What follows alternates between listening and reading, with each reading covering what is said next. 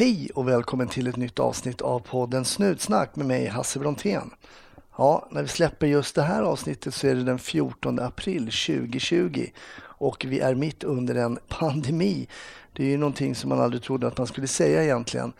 Men Sverige står eh, mycket mer stilla än vad det brukar göra och det är svårt att få till avsnitt och det är svårt att träffas. Men givetvis försöker jag få ut ett, en ny episod varje tisdag ändå.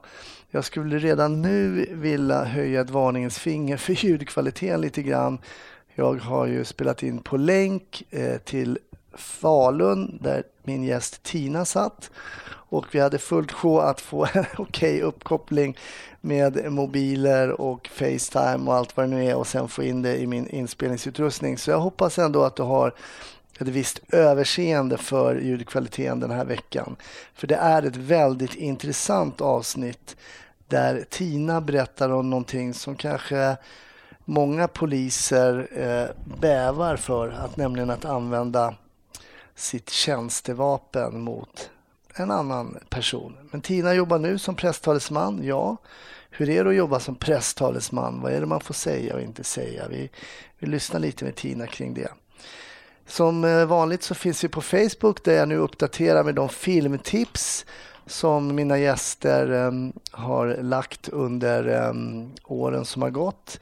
Så du kan gå in på Facebook och följa där och jag försöker lägga det även då på Instagram. Och vi heter ju då Snutsnack på båda de här plattformarna. Snutsnack på Facebook, Snutsnack på Instagram. Men nu, eh, som alla andra säger, tvätta händerna, håll avstånd, kör armbågshälsningen eller foten eller vilket som känns bra. Men var försiktig där ute och ha en väldigt trevlig lyssning. 1310 1070 kom. 1310 Odengatan kom. Ja, det är uppfattat. Vi tar det. Slut. Bra. Klart slut. Välkommen till Snutsnack Tina. Tack så jättemycket. Vi testar för andra gången här för vi jobbar ju på länk nu i coronatider. Man får ju göra vad man kan i de här tiderna. Ja. Var någonstans i landet befinner du dig? Jag sitter i polishuset i Falun. I Falun? Hur har ni det? är ju nu alltså, det är tisdagen den 7 april 2020. Hur har ni det där i Falun? Vi tänker ju lite corona och sådär också. Ja, det är väl rätt så lugnt i vart fall här i polishuset. Eh, och generellt ute i samhället så är ju det relativt lugnt i Falun också. Det är självklart att vi har fall. Men mm. Eh, Bålänge är rätt så drabbat och jag bor i Bålänge. Så okay. att, eh, men än så länge så tror jag att sjukvården har det under hyfsad kontroll i varje fall. Mm man tänker ju spontant, eller man och man, men jag tänker ju spontant att poliser är ju ute bland människor mycket och ibland hamnar man också väldigt nära att kanske smittspridningen skulle nå liksom poliser som är ute och jobbar. Men har ni märkt av någonting av det? Jag har inte fått någon eh, sån information till mig så att jag har koll på det helt enkelt. Jag vet att det är kollegor som är hemma och är sjuka och mm. hemma med sjuka barn och sådär. Men eh, om det är kollegor som har blivit smittade i tjänsten eller om det är eh, på andra sätt, det vet jag faktiskt inte. Nej. Tina, jag kan ju se det nu, för vi facetimar ju du och jag, så ser jag att du har lite, du har din uniform på dig och du har lite axelklaffar i alla fall med två sådana där ränder. Så det där avslöjar väl kommissarie va? Ja, jag är en sån här gammal avdankad kommissarie. avdankad? Ja, brukar jag hamna på kommunikationsenheterna när man är gammal avdankad kommissarie. vad, ehm, vad, har du för, vad sitter du på för tjänst nu? Vad gör du inom polisen? Jag är presstalesperson i Region Bergslagen. Okej. Okay. Intressant. Det är ju det här klassiska med poliser som ska informera om, om spännande fall som har hänt eller någonting så får man ju oftast inte den informationen man vill ha. Hur är det att vara presstalesman för, för polisen? Eh, ja, men eh, det är både lätt och svårt tycker jag. Eh, det är, jag tycker mig ha rätt så lång erfarenhet från många olika områden inom polisen. Mm. och det som är svårt är ju framförallt det här att veta hur mycket får jag säga när det handlar om pågående brott, pågående förundersökningar. Just det. Eh, så det kan vara lite svårt. Men eh, jag känner ändå, jag har jobbat med utredningar under rätt så många år och vet ungefär hur mycket man kan säga utan att förstöra någonting. Mm. För det man hör ganska ofta är kanske en polis eller en presstalesperson från polisen som säger så att ja, men på grund av rådande då förundersökningssekretess så får vi inte säga det. Va, va, vad säger den här förundersökningssekretessen egentligen? Varför, varför äh, får man inte säga saker? Eh, får och får, jo det stämmer att man inte får på grund av att det är en sekretess. Men det som är allra viktigast att komma ihåg, anledningen till att vi säger att vi inte kan eh, uttala oss på grund av förundersökning, förundersökningssekretess, är ett långt ord, mm. eh, det är att vi inte vill riskera att förstöra en utredning. Att eh, människor eh, får information om vad vi vet i en pågående förundersökning. Just det, så det är inte bara för att jävlas med allmänheten som man inte släpper på det är absolut inte för att jävlas. Eh, vi anser, de allra flesta av oss tror jag i alla fall som, som arbetar som presstalespersoner, att vi ska säga så mycket vi bara kan. Mm. Eh, dels för att vi har en informationsskyldighet eh, men också för att det finns ett stort intresse av vad polisen gör för någonting. Eh, man ser polisbilar som åker kors och tvärs med blåljus genom stan och man undrar vad det är som har hänt. Mm. Så att jag och de flesta med mig anser att vi ska säga så mycket vi kan utan att förstöra för den pågående förundersökningen.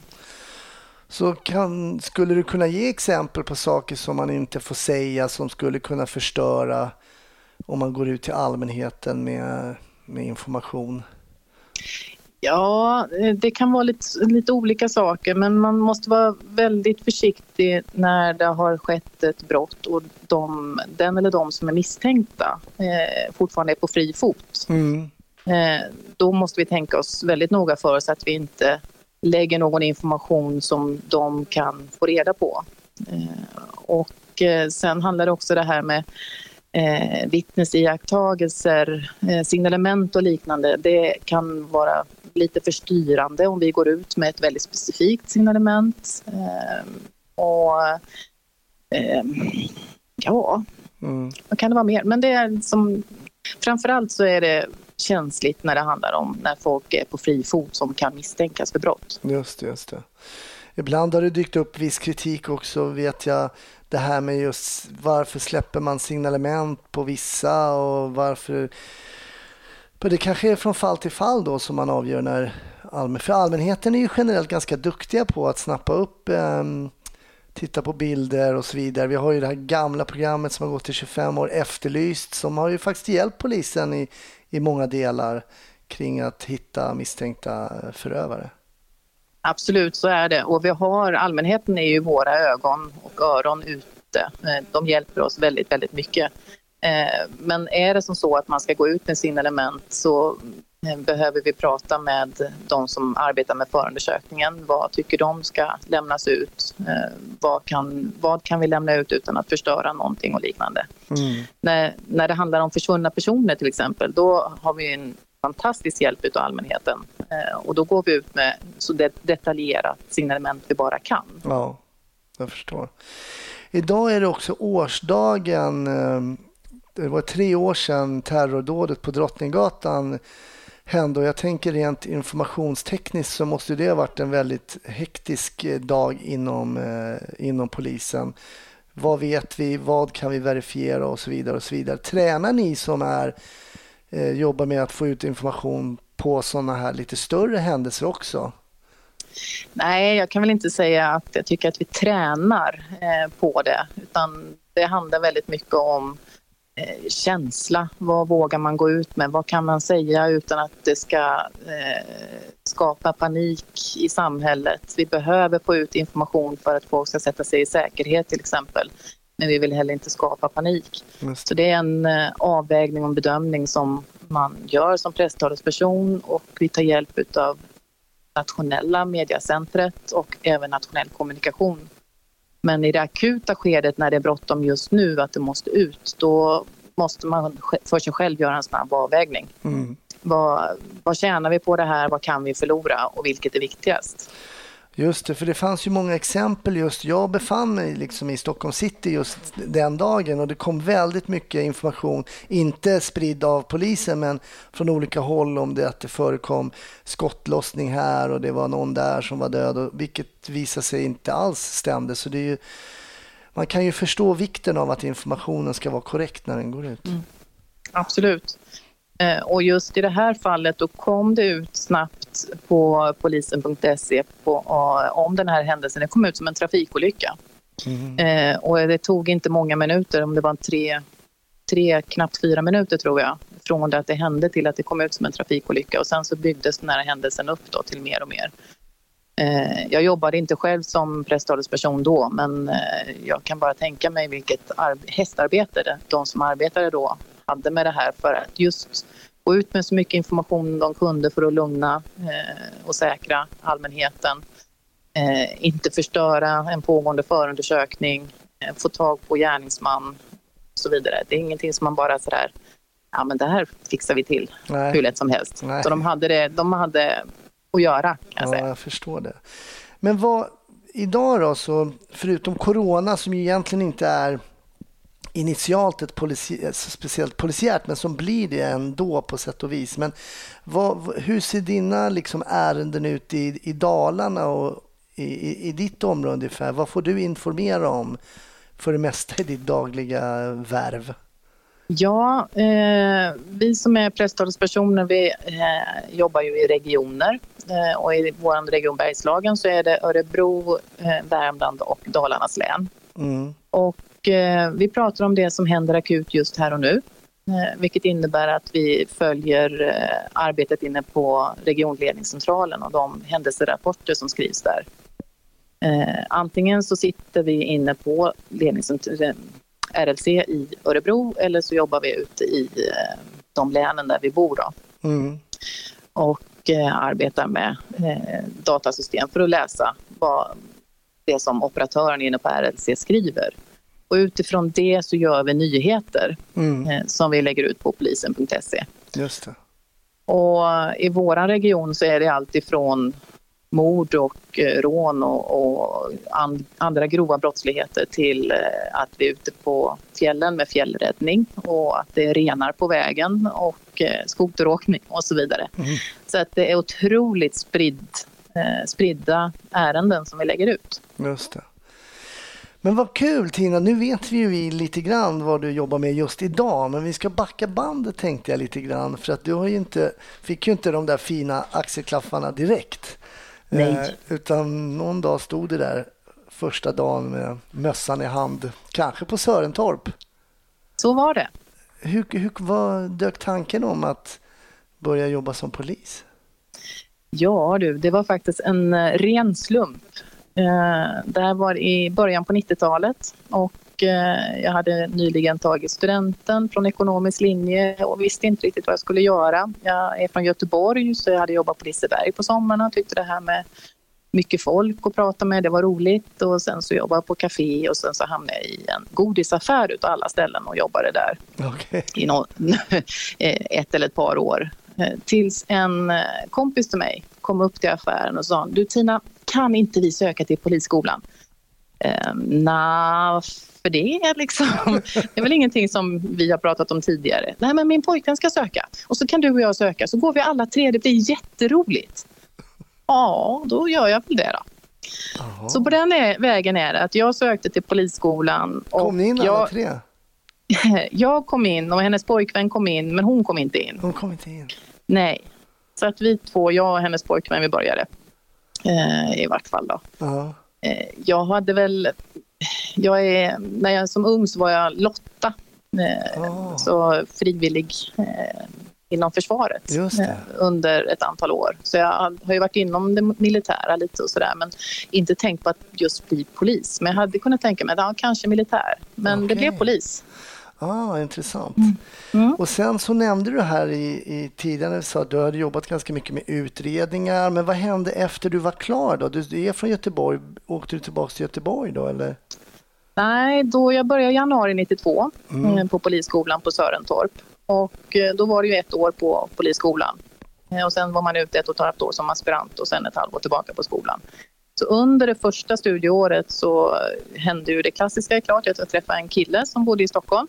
Såklart. Så jag, såklart. Skilsmässodike och eh, vad det var nu kallades där uppe. Eh, ja, men eh, eh så jag bytte med en tjej på Södermalm eh, mm. som ville till Göteborg för hon hade träffat en kille eh, på skolan som var från Göteborg. Man liksom switchade sådär? Då. Ja. ja, och då på den tiden så var det väldigt mycket lättare att bara byta mm. sådär med varandra. Man ja. behövde inte söka tjänster och så, utan vi bytte tjänster med varandra. Så att i december 92 så gick jag ut som aspirant på Södermalm i Stockholm. Mm. Och eh, sen var jag där till eh, 98 när jag flyttade till Örebro. På, I vilken tur var du där på Söder då? Eh, jag var lite olika turer och nu är det här väldigt länge sedan så jag kommer knappt ihåg. Ja. F-turen var jag i F, eh, bland annat. Okay. Mm. Eh, sen ändrades det om lite grann i turerna eh, under tiden som jag var där. Det var några som flyttade till, eh, till eh, Näpoli, som Katarina bland annat. Och vi splittrades upp lite grann. Sådär. Det. Så det hände en del grejer med turlagen. Hur var, det, hur var det att jobba på Söder där, mitten på 90-talet? Helt underbart. Var det så? Fantastiskt roligt. Oh. Det, äh, det var jätte, jätteroligt. Jag trivdes hur bra som helst. Oh, vi, var vi var många uh, unga, nya som kom samtidigt. Uh, det var stora turlag.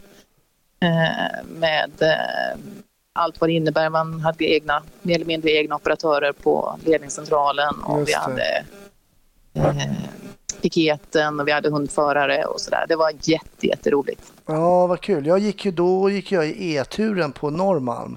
Mm. Så vi hade ju liknande upplägg. Ja. Och jag håller med om, jag tyckte det var jätteroligt med de här stora turlagen, en piket ja. i varje turlag och ja. så vidare. Och så vidare åkte upp med mat till eh, dem uppe på radion. Och... Jajamän, det gjorde vi. ah, those were the days. Ja. Ja, men hur länge blev du kvar på Södermalm och hur, hur, um, hur tycker du att, för Södermalm är ju ganska tätt befolkat och väldigt mycket folk som bor på Södermalm faktiskt. Mm. För att vara ett citydistrikt, jag tänker Norrmalm, där bor inte bara... Alltså det är väldigt mycket folk som åker in till Norrmalm och jobbar mm. men det är väldigt mycket kontor och sånt som står tomt så att säga mm. på helgerna. Men på Söder så bor ju väldigt mycket folk. Hur var det på Söder? Men det var bra just för att det var mycket eh, människor som bor där. Det blev en annan typ av... Det är mer... Eh, många olika sorters jobb mm. eh, på Södermalm. Sen var det ju också så, som jag märkte sen när jag flyttade från Stockholm, att eh, det var ytterst sällan som man kom först som patrull på ett ärende. Eh, det var alltid väldigt mycket folk med på, på samma arbete upplever det som. Mm, mm. man jämför med hur det var sen när jag flyttade till Örebro. Ja, eh, så att eh, jag, jag, vet att jag, det var väldigt, väldigt mycket rån under 90-talet. Mm. Eh, mycket bankrån.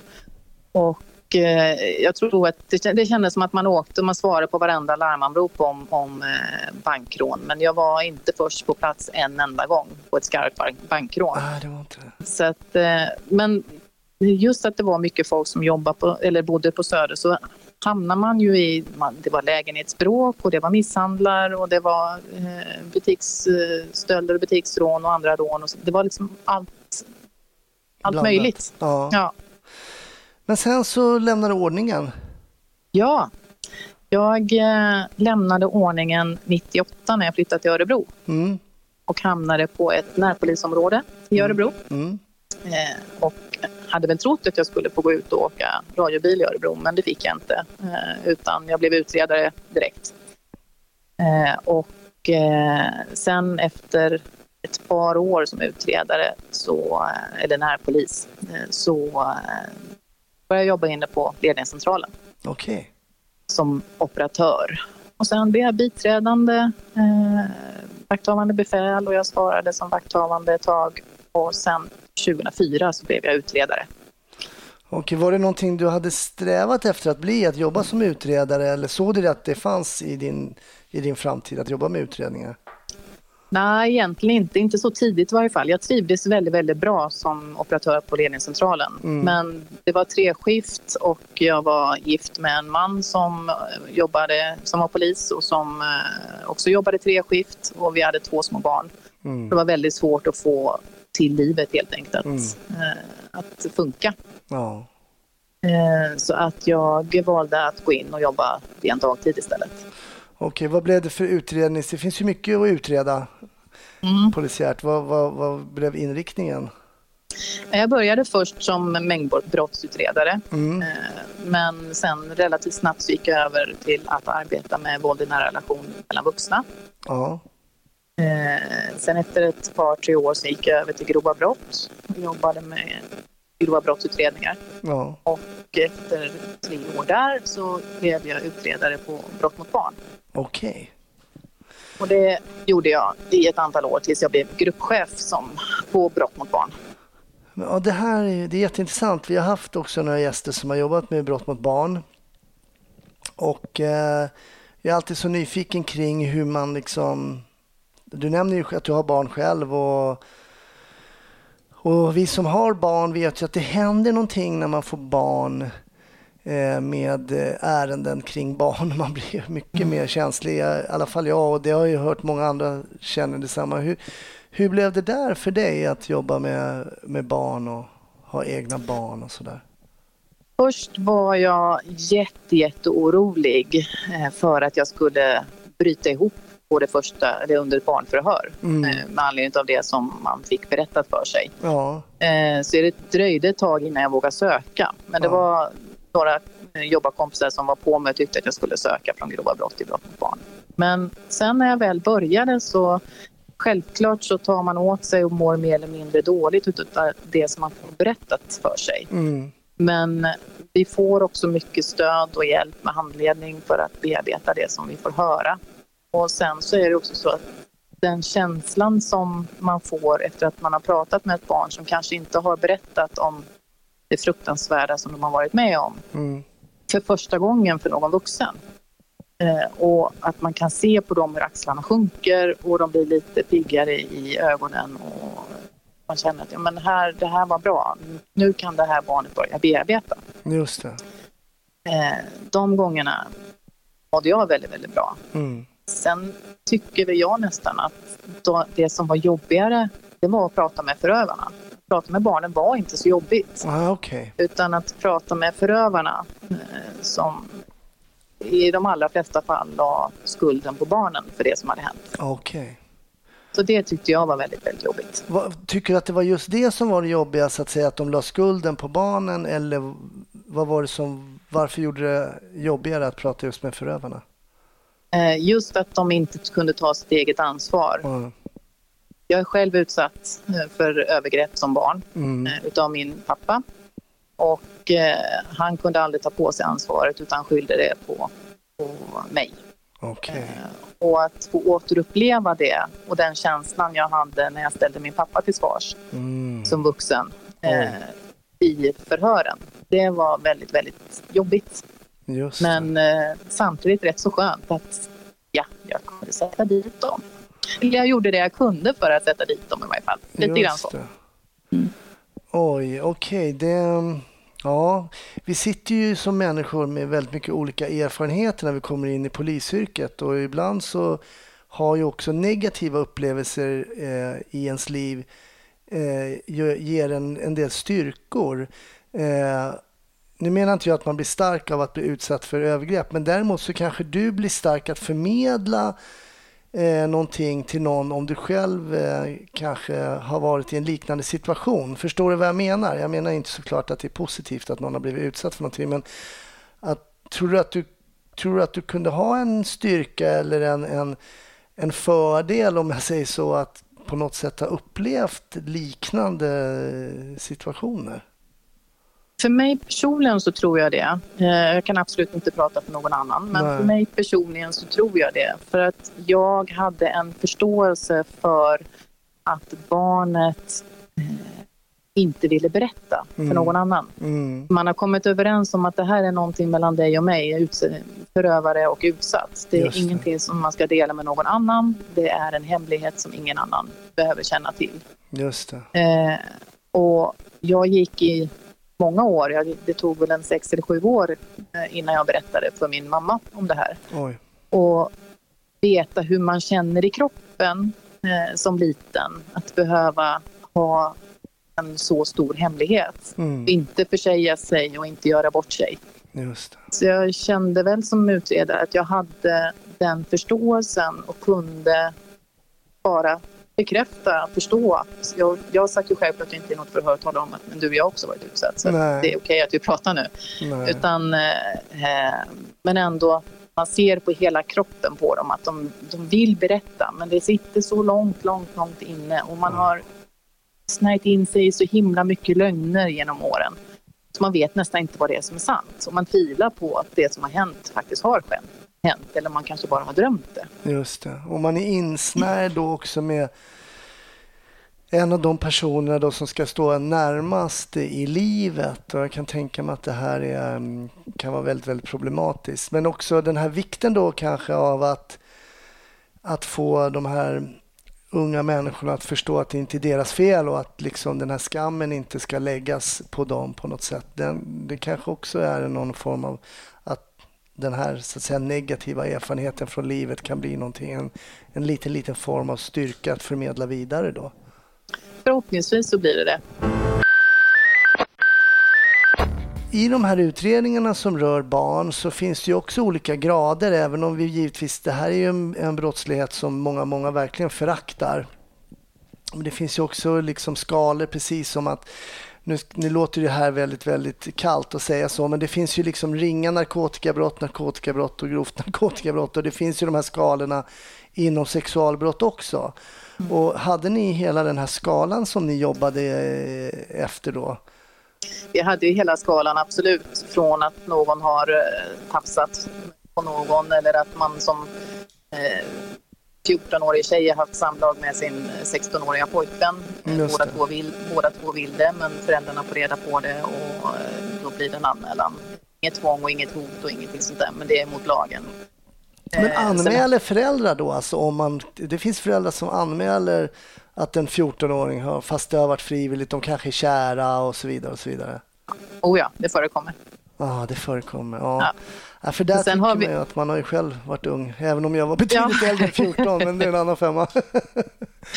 Nej, men sen så hade vi inte bara sexualbrott som väl är. För det, hade man bara jobbat med sexual, sexualbrott så tror jag att det hade varit mycket, mycket tyngre. Vi hade ju eh, misshandel och ofredande och sådana saker också.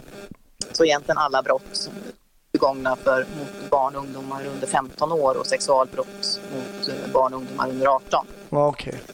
Så att vi hade liksom hela skalan. Vi hade en, från en örfil till mycket, mycket, mycket, mycket grov misshandel mm. och sen eh, frivilligt sex med en man under 15 till grova våldtäkter.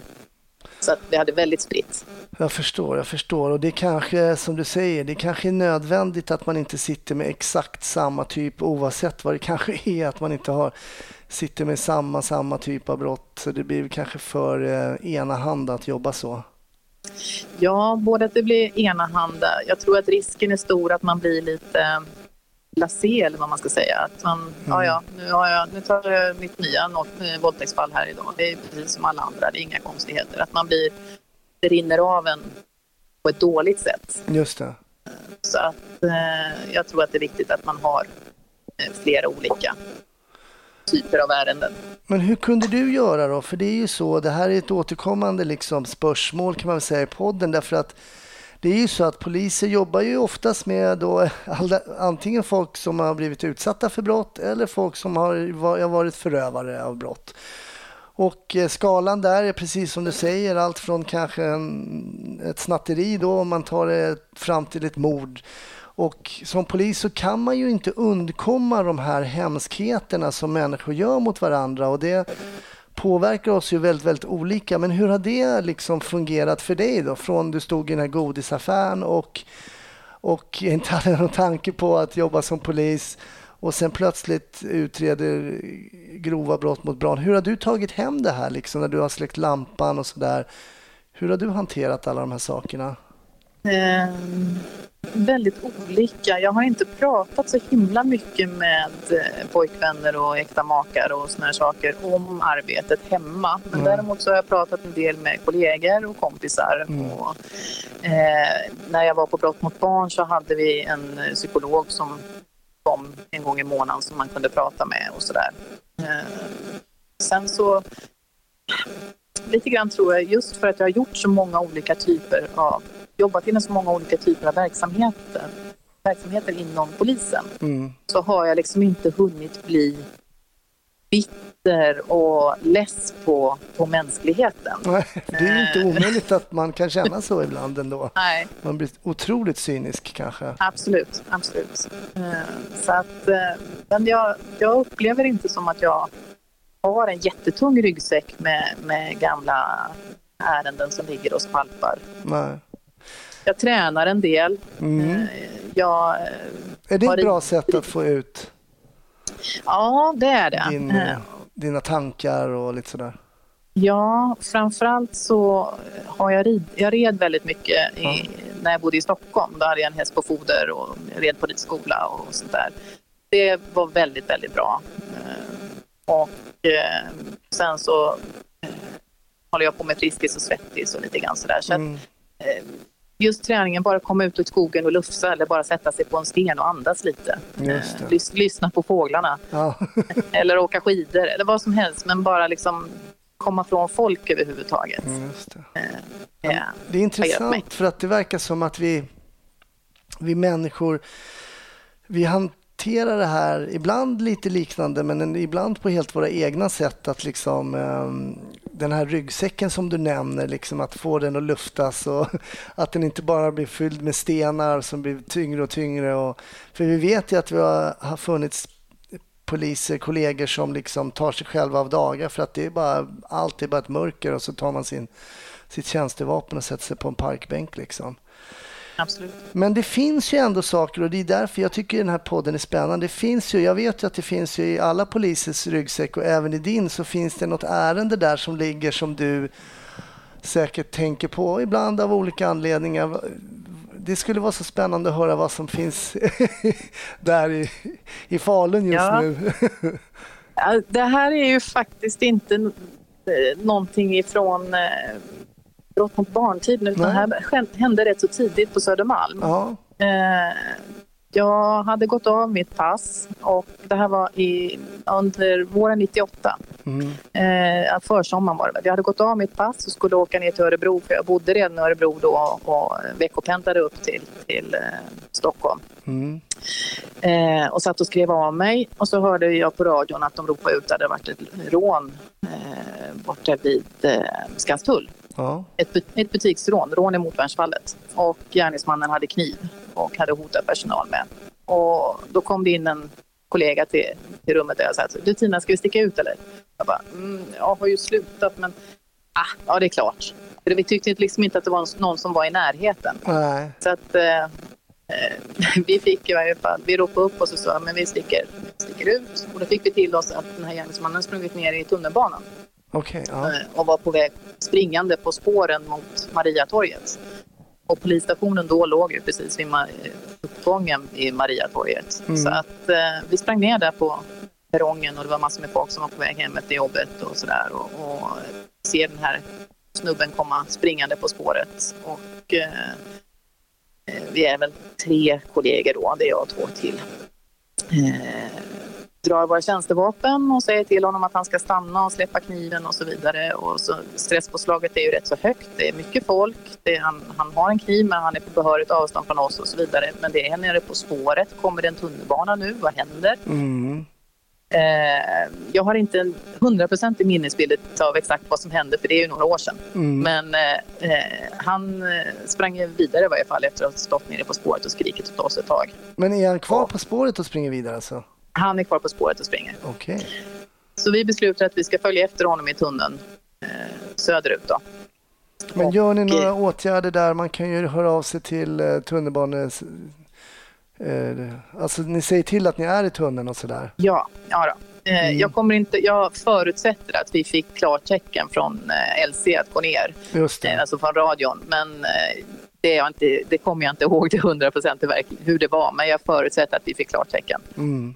Eh, vi tänkte bara att vi kan ju inte släppa honom till nästa perrong. Tänk, tänk om man hoppar upp på perrongen där och ja, hugger ner någon eller något sånt där. Så vi hoppar ner i varje fall på spåret ja, det också. En ganska dålig flyktväg för det finns ju alltså ja. röd linje på spåret. Ja. Det, är inte, det är inte så långt, man kan inte ta sig på så himla många ställen. Nej.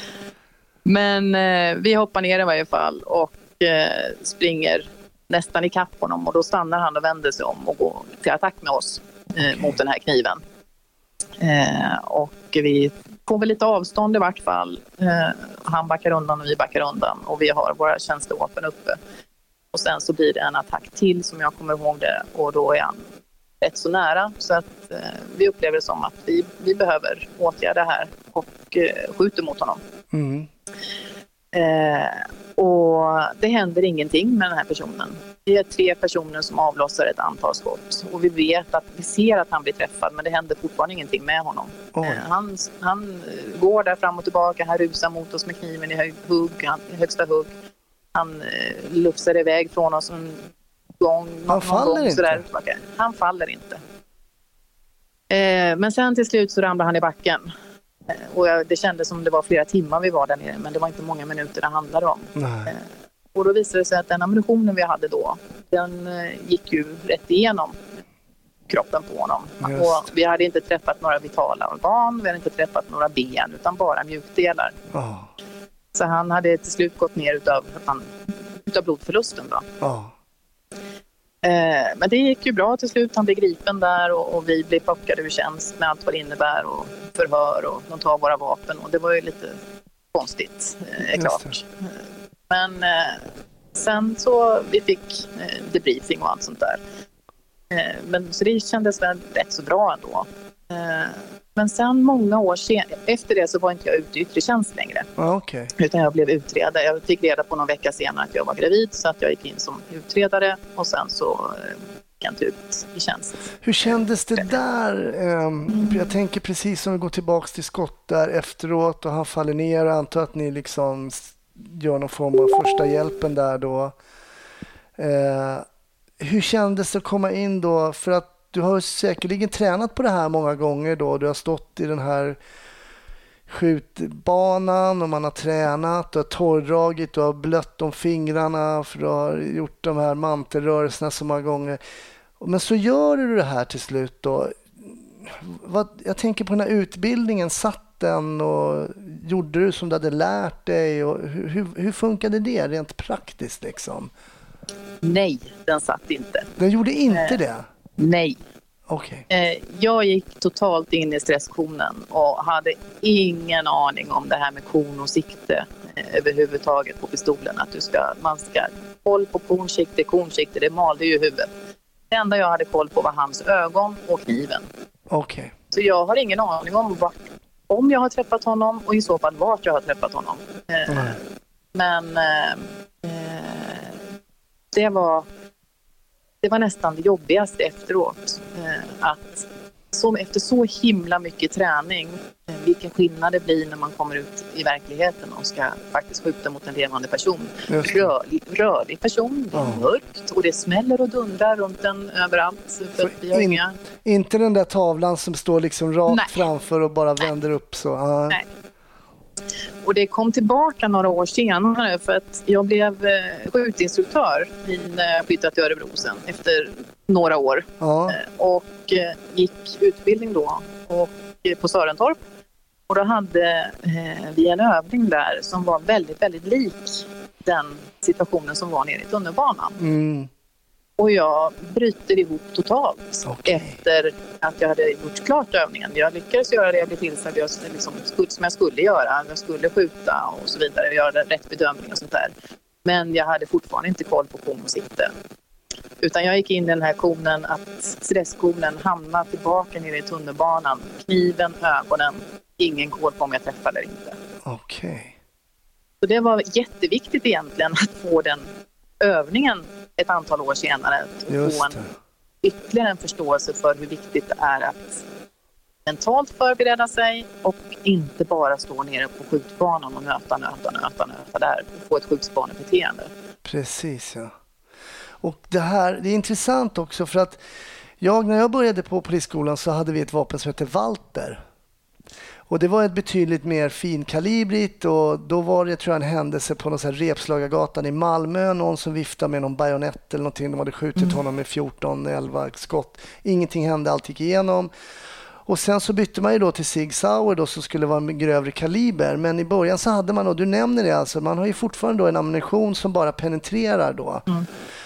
För det viktiga är, och det kan man ju för er som lyssnar också, varför skjuter polis? Jo, det är ju för att få stopp på en person. För vad händer med den ammunitionen? Man byter helt enkelt ammunition sen. Ja, man byter ammunition sen, så nu har vi en annan typ av ammunition som eh, gör att det ska bli stopp. Ja, eh, den expanderar helt enkelt i kroppen. Ja, kulan expanderar i kroppen. Ja. Det gör att det blir större skador, absolut, men man får också ett snabbare slut på, på händelse, en farlig eller hotfull händelse om vi måste, måste använda våra vapen. Just det. Och, eh, det är yttersta utvägen att vi ska skjuta. Mm. Eh, det handlar om att rädda liv, antingen ditt eget som polis eller någon annans. Mm. Så att eh, jag, jag anser ju att det är bättre att ha den typen av ammunition som vi har nu än att behöva stå och skjuta, skjuta, skjuta, skjuta hur det händer ingenting. man, kan, man avbryter inte det brottsliga angreppet. Nej, det, precis. Man kan hinna, det kan hinna väldigt mycket. ske väldigt mycket saker innan personen i fråga blir oskadliggjord. Mm. Och eh, det som man också som polis kanske Just det här, vad är syftet med vapnet? Varför har, det är ju faktiskt, om man ska hårdra det, är för att skjuta på andra människor. Alltså det är faktiskt det som är mm. syftet. Inte, ja. Det är inte till för att skjuta varningsskott för då kan man ha knallpulver och sådär. Men, och det är ju viktigt att ha en mental tanke där som du säger att, att skjuta på någon levande varelse är en helt annan sak. Den här utredningen, det låter ju som att det var ett klassiskt fall av nödvärn då någon gör utfall med. Alltså, vad hände med utredningen kring er poliser som sköt? Nej, det blev inte någon, eh, någon påföljd eller på något sätt utav den utredningen utan det var, det var eh, en nödvärnssituation. Sen blev det ju en rättegång där vi var målsägande mm. Eh, och den gripne och skjutne var misstänkt. Där han var misstänkt för försök till våld mot tjänsteman bland annat och sen mm. så rån och lite grann sånt där som grundbrottet var. Mm. Och det var lite småjobbigt, för vi satt där som målsägande men han hade en försvarare som var väldigt eh, inriktad på att vi som poliser hade gjort fel. Okay. Eh, så att det blev mer som att vi, var, vi blev ställda till svars för hur vi hade agerat. Mm. Nästan så att vi blev misstänkliggjorda eh, som målsägande. Då. Så det var en lite besvärlig rättegång tyckte jag. Okay. Jobbigt känslomässigt. Hur, vad fick den här eh, gärningsmannen för skador då? Vet du det? Kommer du ihåg det? Ja, jag vet att han fick eh, en lårskada och eventuellt så en, eh, en eh, skada i vaden. Och sen så hade han lite risper utav kula på överkroppen. Mm. Det är det jag kommer ihåg, men jag minns inte mer exakt hur skadad han blev. Mm. Ganska unik händelse för det är trots allt nu är det mer ofta än när jag jobbade för en 12 år sedan, men som poliser använder sina tjänstevapen. Men än om man jämför med andra länder så är det ganska sällan svensk polis ändå avlossar eh, sina tjänstevapen.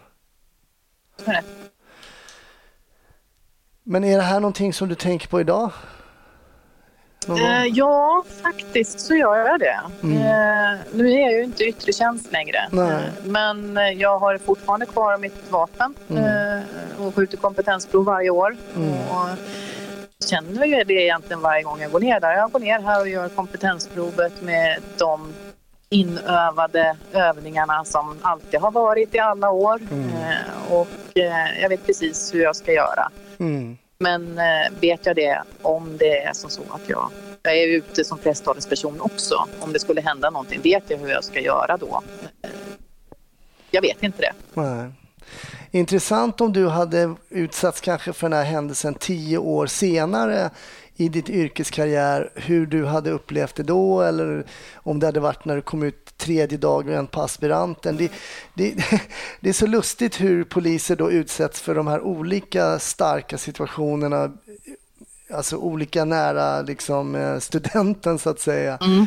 Hur mycket erfarenhet, hur lugn en polis kan vara som har jobbat i 25 år och har nästan varit i en sån här situation. Men när den väl blir skarp så skiljer den sig inte lika mycket från de här nästan situationerna. Nej. Ja, jättespännande mm. att höra hur man kan reagera på en sån här händelse. Vi brukar alltid runda av Snutsnack med att prata lite polisfilmer. Och jag vet, det blir ju konstigt när man, när man går från en, den här verkliga händelsen när man skjuter och det är fara för liv och det är allvar till att det är pang-pang på film och sådär. Men det är tvära kast eh, även i polisyrket så vi kör det även i den här podden. Ja. Men kan du se polisfilmer? Ja, det kan jag. Jo, men jag gillar morden i Midsommar. Det är, det är lite lugnt och det är lite rart och charmigt. Och det dör väldigt mycket folk i Midsommar, men vad jag förstår så är Midsommar ett rätt så stort område. Ja. men eh, det, det är rätt så skön, eh, en skön tv-serie tycker jag. Eh, men ska vi ta de svenska filmerna och även amerikanska filmerna så är det, det, det går så lätt allting. Mm man behöver inte någonting för att ta reda på att det där är en gärningsman. Det som jag framförallt retar mig på det är att uh, utredaren är med ute på plats och gör inbrytningar och går först. Ja, sen, sen, kommer insatsstyrkan ungefär. ja. Men det är så roligt att du nämner morden i Midsommar för jag fick just en kommentar på på Snutsnacks sida på Facebook. Det var någon som skrev så här, men gillar inte svenska poliser brittiska deckare? Eh, och då får jag säga, ja vi får väl se i framtiden om de gör det. Och den första gästen efter den kommentaren så får jag morden i Midsommar. Jätteroligt! Ja, men morden i Midsommar, ja men jag tycker också det är bra. Man, måste, ja. man får varva lite också. Absolut. Ja. Okej, okay, men du, jag, eh, vi får väl se och vi får hoppas att ni inte får några fler smittade där i, ehm, i ditt område i Bergslagen. Vi håller tummarna för det. Och eh, jag bugar och bockar och tack för att jag fick ringa och störa. Och eh, tack för att du ville vara med och gästa Tina. Det var jätteroligt. tack så jättemycket. Tack ska du ha. Stort tack. Det här avsnittet är slut. Det kommer ett nytt i nästa vecka är min absoluta förhoppning. Men glöm inte Facebook, glöm inte Instagram. Där finns ju Snutsnack också. Så eh, tar du det lugnt så tar jag det lugnt så hörs vi och eh, ses eventuellt någon gång i framtiden. Ha en bra vecka. Hej!